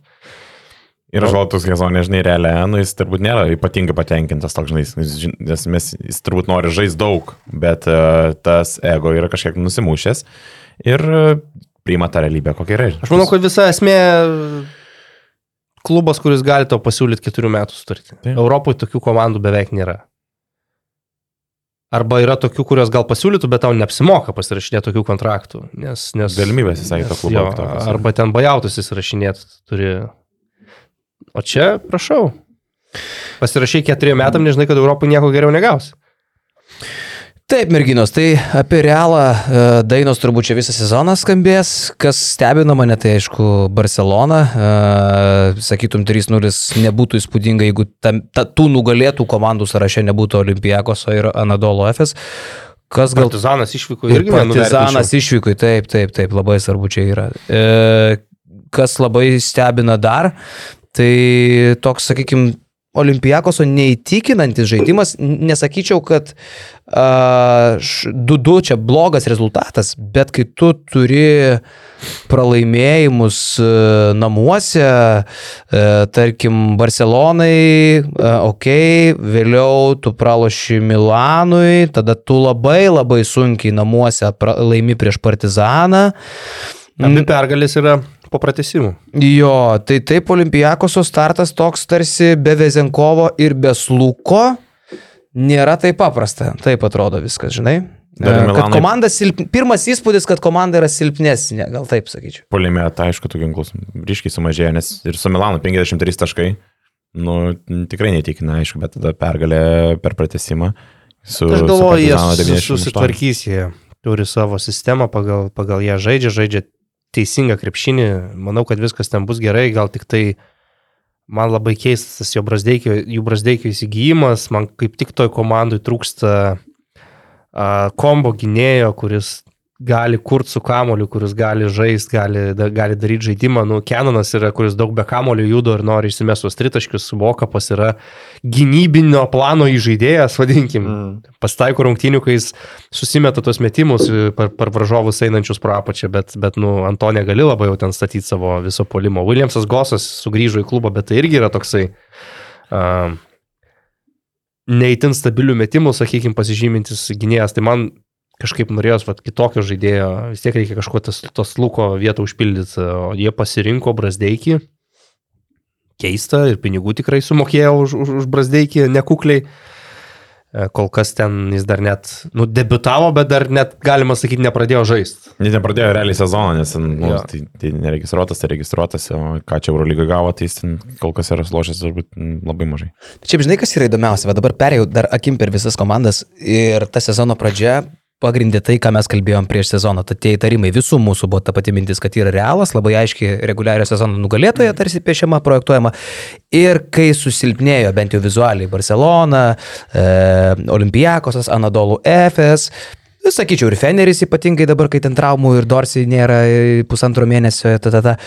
E, Monakas gal nesusilpnėjo, bet bent jau Efesas, Anado, e, Anadolų Efesas, Olimpijakosas ir Barsas susilpnėjo nuo antros iki ten kokios 10-12 vietų yra praktiškai apylygės arba bent jau viena kita tikrai e, atskirose rungtynėse drąsiai nugalėti galinčios komandos. Tai mane šitą sezono pradžią įkvėpė, kad iš esmės net ir tas pats Kauno Žalgeris, jisai gali būti dešimtas, jisai po reguliarią sezoną gali būti ir koks nors ketvirtas, penktas. Tai būtų įspūdinga, tai būtų wow, bet tai aš nebūčiau šokiruotas. Tikrai mm. aš. Aš nematau bent jau iš sezono starto, kol sudėtis yra tokios, kokios jos dabar yra, kuo žalgeris, kokia motivacija reminti žalgeris ypač namuose, neturi galimybių, did, net ne galimybių, o didelių šansų nugalėti bet kurios komandos, įskyrus Madrido Realą, o ir tą patį gerą vakarą, bet čia jau kita kategorija. Taip, galimybę aišku turi, tai labai... Aš jau la, didelių galimybių net sakau. Labai konkurencinga lyga, labai tokia apylygė, subalansuota, ta, tas yra džiugu. Aš gal tik tai vieną dalyką pastebėčiau, kad man jau nuo pat pradžių nelabai patiko tas toks visiškas Barsos nurašinėjimas ir, ir iki tokio lygio, kad pasakyti, kad ten Barcelona nepateks į playoffus, turėtų būti tavo nepopuliarus teikas, bet jis tapo populiariu teiku, kurį visi pasigavo ir visi to tiki. Nu, come on, tai vis tiek yra geras. Ei, čia mūsų drąsios prognozijas, klausyk, čia reikia vat atskirti. Aš ne, nesikreipiu į tave, aš nežinau, kieno čia, čia prognozijas. Čia mano. Bet čia... Daug kas jie, jie išsakė komentaruose dar kažkur. Tai voreva, tai, nu tai, tai aš, aš prieš sezoną turėjau tą, e, čia Bifa, Miklovas, aš ir e, Lekšas. Ir mes tipo turim po du teikus įsirašyti į lentą pas mus mhm. ir vėliau po sezono žiūrim. Ir tai turi būti drąsus, iššaukiantis, kartais galbūt periebus. Ir aš, mhm. aš pripažįstu, aš turiu e, heito Barcelonai dėl šitos vasaros darbų. Mhm. Ir ko gero, kad to heito šiek tiek persidavė ir mano prognozijai. Aš pripažįstu, kad ji yra per drąsi ir net ir man atrodo. Ne, bet, žiūrėk, bet mano pointas yra, kad tavo drąsi prognozė tapo populiaria prognozė, kuri nebėra drąsi, nes, nes populiaru sakyti, kad Barsa dabar bus šūdas. Tai tuo metu, kai aš tą leptelėjau, tai tuo metu aš tą pasakiau vienas, vėliau tai nu, galbūt būt. nuskambėjo daugiau. Tai tiesiog aš tiesiog norėčiau priminti, okei, okay, visų pirma, Rodžerio Grimau nežinom. Nereikia nurašinėti žmogaus, kol jis net dirbti nepradėjo. Tai bet tai nenurašinėjimas, tu, tu tiesiog spėjai, tau reikia spėti. Ir aš spėju, kad, aha, nepaeis Grimau. Tai bet aš ne į tave adresuoju, jo. o tai, kokių aš komentarų prisižiūrėjau apie tą Barceloną po kiekvienų jų pasirašymų ir, ir po kiekvienų jų rungtynių, kur ten parašo išvargo pergalę prieš Palencijos klubą ACB lygoje ir komentarai, mm. nu, čia Barsa šūda šis metais. Nublemba, žaidėjai ten elitiniai, nu, Kamon ir to paties Rodžerio Grimau nenurašinėkit, kol jis dirbti nepradėjo. Su Partizanų rungtynėse mes pamatėm ir jo derinių knygutę, ir kaip gražiai žaidžia ta komanda, ir ką jinai gali, ir kaip Laprovitola dabar fantastiškai jaučiasi. Tai aš irgi čia nesakyčiau, kad 3-0, tai dabar jau Barsa čia finalo ketvirto komanda. Bet man biški perdėtas buvo tas jų nuvertinimas prieš sezoną.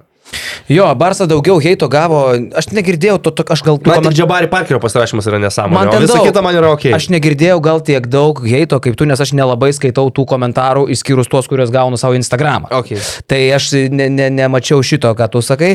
Aš tau pasakysiu taip. Man nepatinka viskas, kas vyko su Barsos komplektacija šį sezoną. Ir tas idiotiškas aiškinimas, kad mes skolose, mes mažinamės biudžetą, bet tada tu nutraukinėjai Miro, mokai jam babkės, bet vis tiek jo net- neturėsi. Nu, toksai kažkoks principingas reikalas. A, panašiai su Corey Higginsu, žinai, kurie irgi, jeigu ne jo dabar negalėjai mažais dėl traumas, tai jie jį irgi būtų atidavę ir sumokėję jam babkės. Ir tu va tokiais būdais aiškini, kad tu neturi pinigų. Tada tu nuimi šarą, aiškini, kad net neturi jam, bet pasirašinėjai kosmiškai su panteriu, ten permušiniai pinigais. Mm. Tarsi neturi babkių, bet numitinėjai Miro e, tą mm, Higginsą ir dar paėmė Hernan Gomesą kaip šalia Veselio ir Nadži, kur man irgi toks nu, tarsi kitokio centro norėtum. Tada nebeturi ketvirto numerio, pasiemi parą, sumoki milijoną išpirkos parai. Nes katalonas. Su Oriola tą patį darė. Oriola kažkada buvo ir pasėmė lūžusi džabarį parkerį.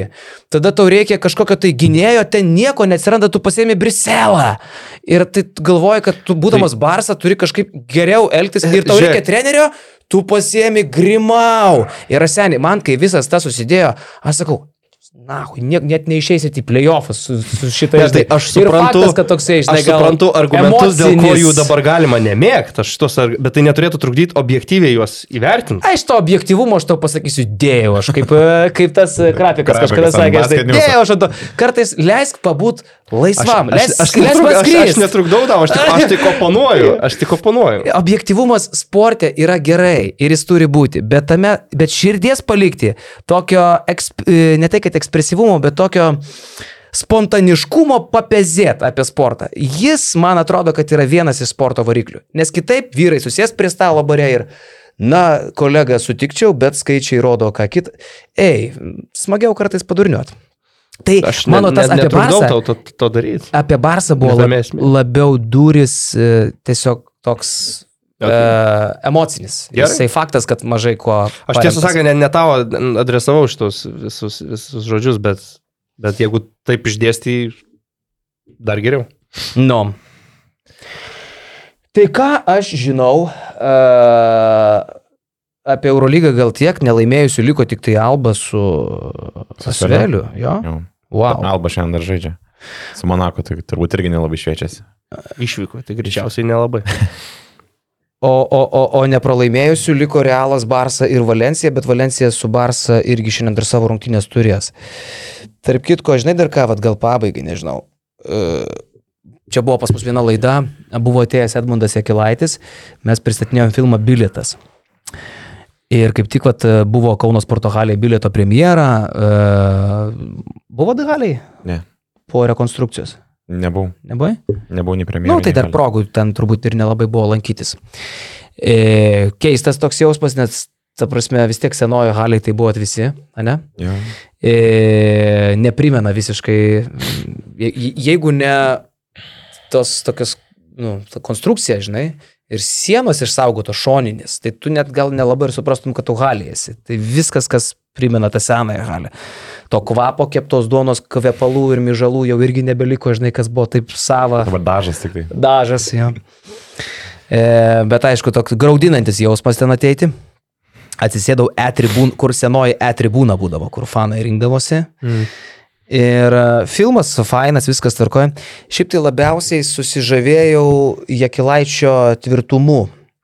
E, žinot, kad e, jo šeimoje nelaimė, mirė tėtis ir žmogus ateina į filmo premjerą, su visais sveikinasi, viskas profesionaliai, prie fotosienos, kalba prieš filmą, filmo metu irgi ten eina po, po filmo dar kalbina žalgyriečių senus scenoje, eina kalbina žmonės, kurie nori klausimus užduoti, žinai, po to į viršų ten su Vytu Dambrausku, legendiniai žalgyriečiai svipložiai irgi iki pat galo, kol žalgyris ir realas sužaidė, žodžiu, paskutinis turbūt išėjęs iš žmogus iš galės buvo Edmundas Ekilaitis. E, ir toks, nu, pagalvoju, kad vat, net tokios situacijos akivaizdai tu randi jėgų, Max, visą šitą, žinai, dalyką iki galo padaryti.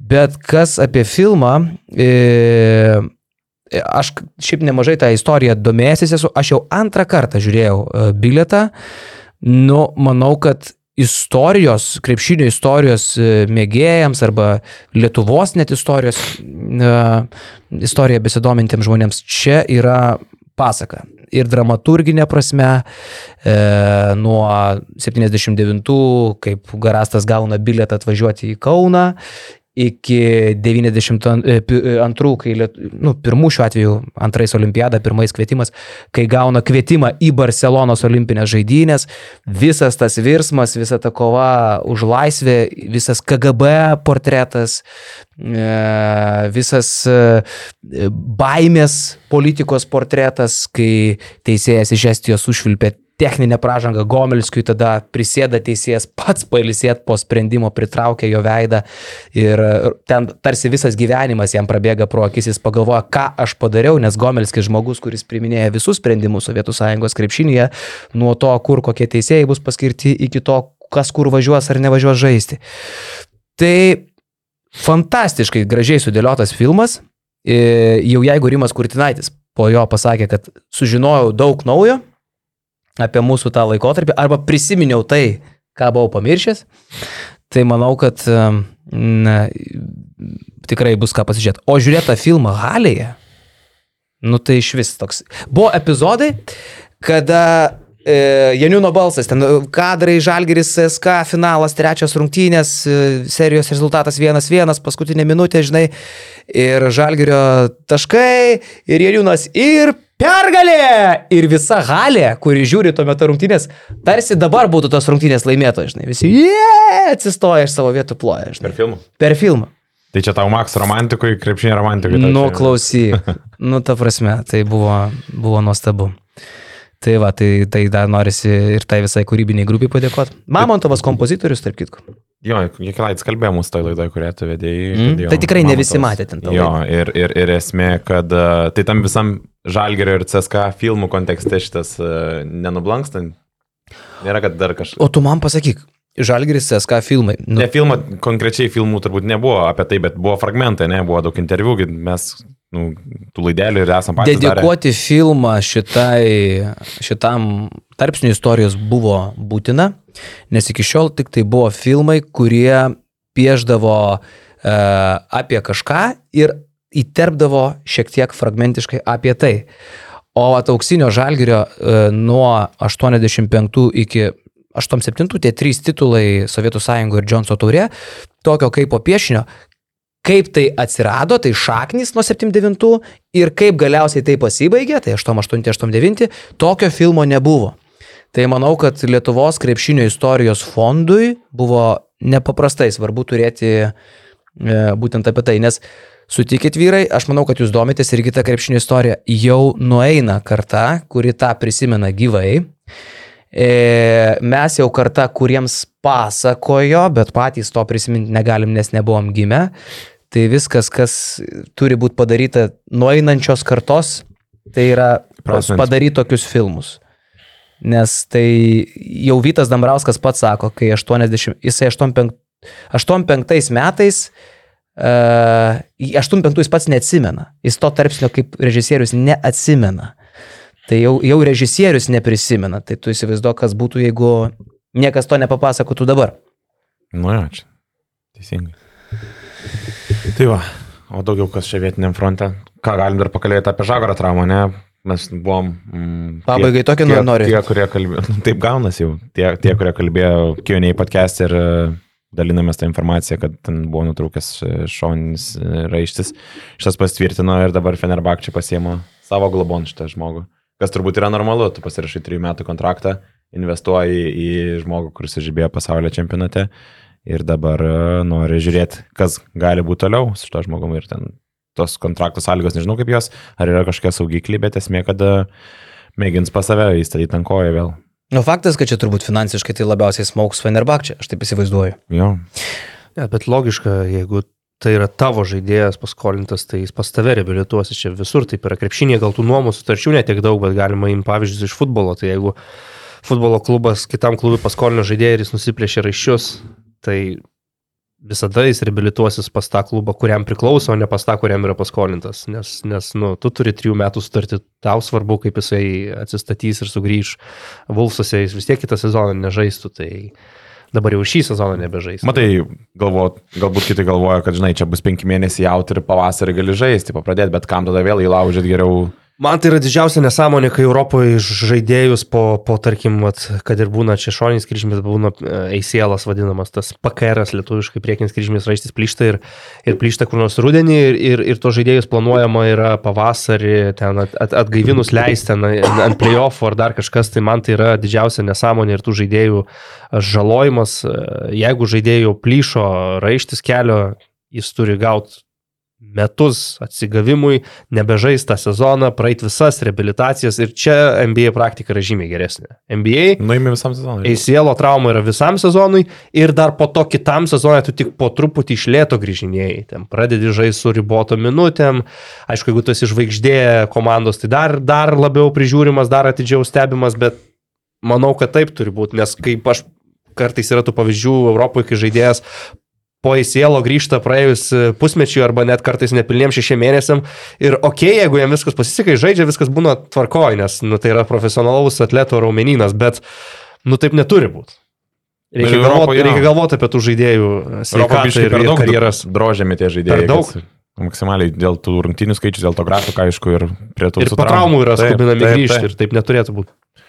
Čia kartais net ir po paprastų traumų, kur ne plišimai, ne operacijos, bet, bet nu, ten trauma, ten patempimas, ten hamstringas, dar kažkas. Tai pas mus e, Europoje dažniausiai klubai suinteresuoti, kad po to minimalaus lango, kiek reikia pasveikimui, kad iškart grįžtų. Kad dirbtų pinigus. Nu. Nes, nes tai pergalių reikia, ja. playoffs pat dar kažką.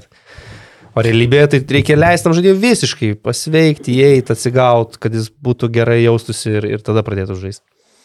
Vulsai šią savaitę, kaip ir rytas, irgi startavo tarp kitko savo turnyruose. Aišku, mes į žalgerį čia labai koncentravomės, bet, nu, Nereikia čia apsimetinėti, kad dabar tas startas pats e, ryto ar Vulfsų jau antros rungtynės e, Europos tauriai e, yra vienodai svarbu ir, ir, ir vienodai aktualu. Žalgiris turėjo dvigubą savaitę, dėl to tiek daug koncentracijos apie rytą ir apie Vulfsus tikrai ateityje daugiau pasikalbėsim.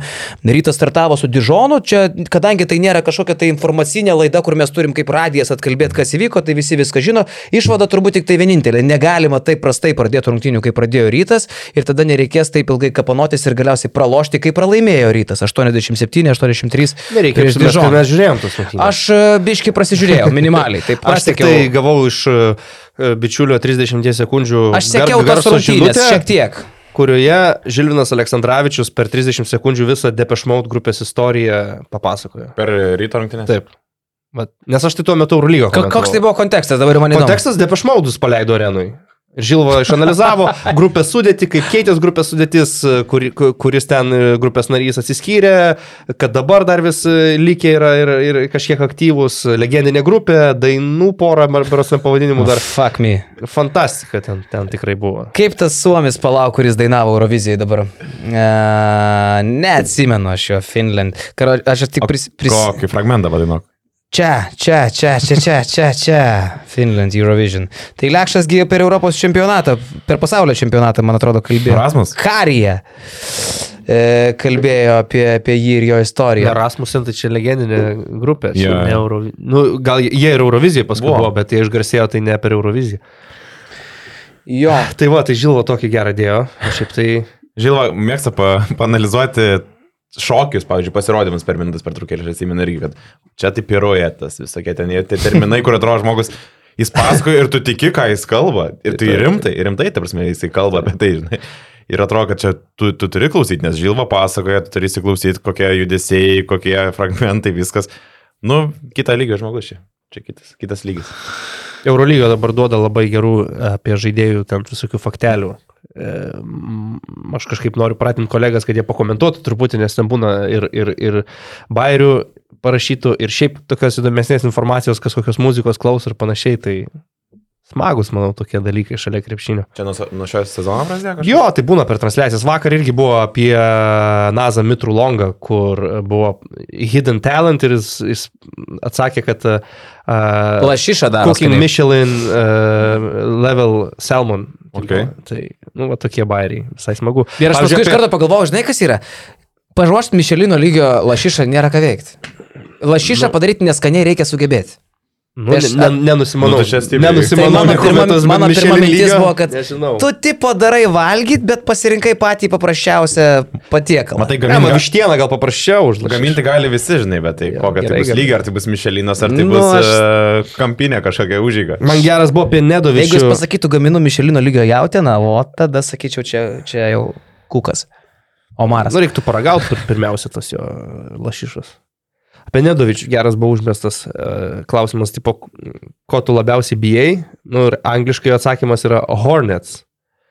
Tai tipo širšių, bet aš sakau, kad šiais laikais visai gerai profesionaliam krepšininkui prisibijoti ir Šarlotės Hornets organizacijos, nes nedaug dievė ten papultum netyčia. Tai Tokį suvedį. ne, neblogi interpelė jo. Jo, tai apie Hornets šnekant, e, Kemba Walkeris dar debitavo, bet e, čia turbūt neįsiplečiant, ne? Uh, sakei, aš kadangi MBA ne, nesusekęs jo, man visiškai ten neįdomu, kaip ten jam sekė, sekėsi, bet tu, tu pasakoji, kad jis sulėtėjęs ten dvigubai. Ne, nu, atrodo, tai ne? jis sugriuvęs žaidėjas, nieko nereikia iš jo norėti. Tai buvus žvaigždė ir tiek, nu žaidėjas, kuris, okei, okay, gal žaisdamas po vienos rungtynės į savaitę kažką dar sugebės parodyti, gal dabar prieš tokią albą gal kažką tai išbėgęs pademonstruos, bet, nu, realybėje tai, nu, nereikia nieko ten iš jo. Man tai smagu įžiūrėti, nes jis yra žiauriai pozityvus, pozityvus bičias, visą laiką šypsosi, visą laiką laimingas, visą laiką serga už komandos draugus. Visi atsiliepimai apie jį tiek iš NBA, tiek ir dabar, ką girdim iš Sašo Bradovičiaus, iš Monako, yra patys geriausi, bet, nu, žmogų tiesiog su, sugriovė traumos, nu ir viskas. Nu. Jis jau NBA kokius paskutinius 3-4 metus buvo žaidėjas, kuris negali dviejų rungtynių iš eilės sužaisti, nes jam kojos nelaiko. Tai, tai ko čia norėt? Tai jis kalbėjo, kad paskutinį kartą galbūt arti 100 procentų jautėsi Bostone arba taip pačiai tik Šarlotėje. Nu tai va, tai Tai čia šeši metai. atliko atgal. tris metimus, vis trys metimai iš gerų padėčių, vis trys trumpi. Dėl ko būna trumpi metimai? Nes Kai kojose nėra jėgos. Pasižiūrėjau dabar Monakas šiandien su Alba lošia. Šiaip tai jiems, manau, kad ypatingai Saškai Obradovičiui buvo esmė laimėti Belgrade. Tai be abejo. Nes atvažiavo, mačiau ir Aleksėjus, atvažiavo ir vadas pagrindinis Monako, sėdėjo pirmoje eilėje ir kai tu ką tik buvai ištratatulintas Virtuso namuose, tai jau dabar, mielasis, būk malonus, laimėk kažką bent jau čia, kad ir prieš stiprią komandą, bet jau dabar laimėk, jau atvažiavom pažiūrėti gyvai. Tai Nes šiaip sakė, po tų, kas mane nustebino, Donsė pasako, sako, po tų dviejų rungtynių nebuvo labai karšto Bradovičiaus kėdė. Supras, kad tai kaip ir pasitikė treneriu. Tipo, negavo jokių signalų mm. Obradovičius. Bet manau, kad jeigu dar būtų ir Belgradė pralaimėjo, nu vis tiek jau įtampa pareina. Jau pareina. Tai jiems čia kaip buvo... Pirmoji pusė žaidė, atrodė, kad ir turėtų pralaimėti, bet Jo. antroji pusė labai gerai susitvarkė ir, ir koncentracija, ir, ir Maikas Džeimsas parodė pavyzdį. Ne tai, kad jisai uh, dvigubą dublį ten surinko 19 taškų 11 asistų, bet gynėsi, gynėsi stipriai, labai daug, daug pastangų į gynybą įdėjo, 36 minutės atidirbo aikštėje, tai kai Džeimsas yra toks susifokusavęs, susikaupęs, tai iš karto Monakas atrodo e, solidžiau. E, Tai pasiemė tą pergalę, kurios aš pritariu, labai jam reikėjo. O dabar puikiausias šansas tiesiog pasidaryti 2-2 ir po keturių turų būtų visiškai normalus rezultatas. nusėmė į tampelę. Kaip Nu. nu. Grimautą į tampelę nusiminėjo visiškai. Taip, taip va čia, kas į tampelės nenusiminėjo, tai man atrodo tas Džanas, ar kaip pavardė FSO trenerio. Erdėmas Džanas. Džanas tarėsi. Uh, šiandien su Valencija lošia Valencija pavojinga visur. Uh, tai jeigu dar vienas toks namuose praleidimas, žiūrėk, kad FSC neprasidėtų kokie nors mainai. Ir Jo, reikia, pokyčiai. reikia jam laimėti, aišku.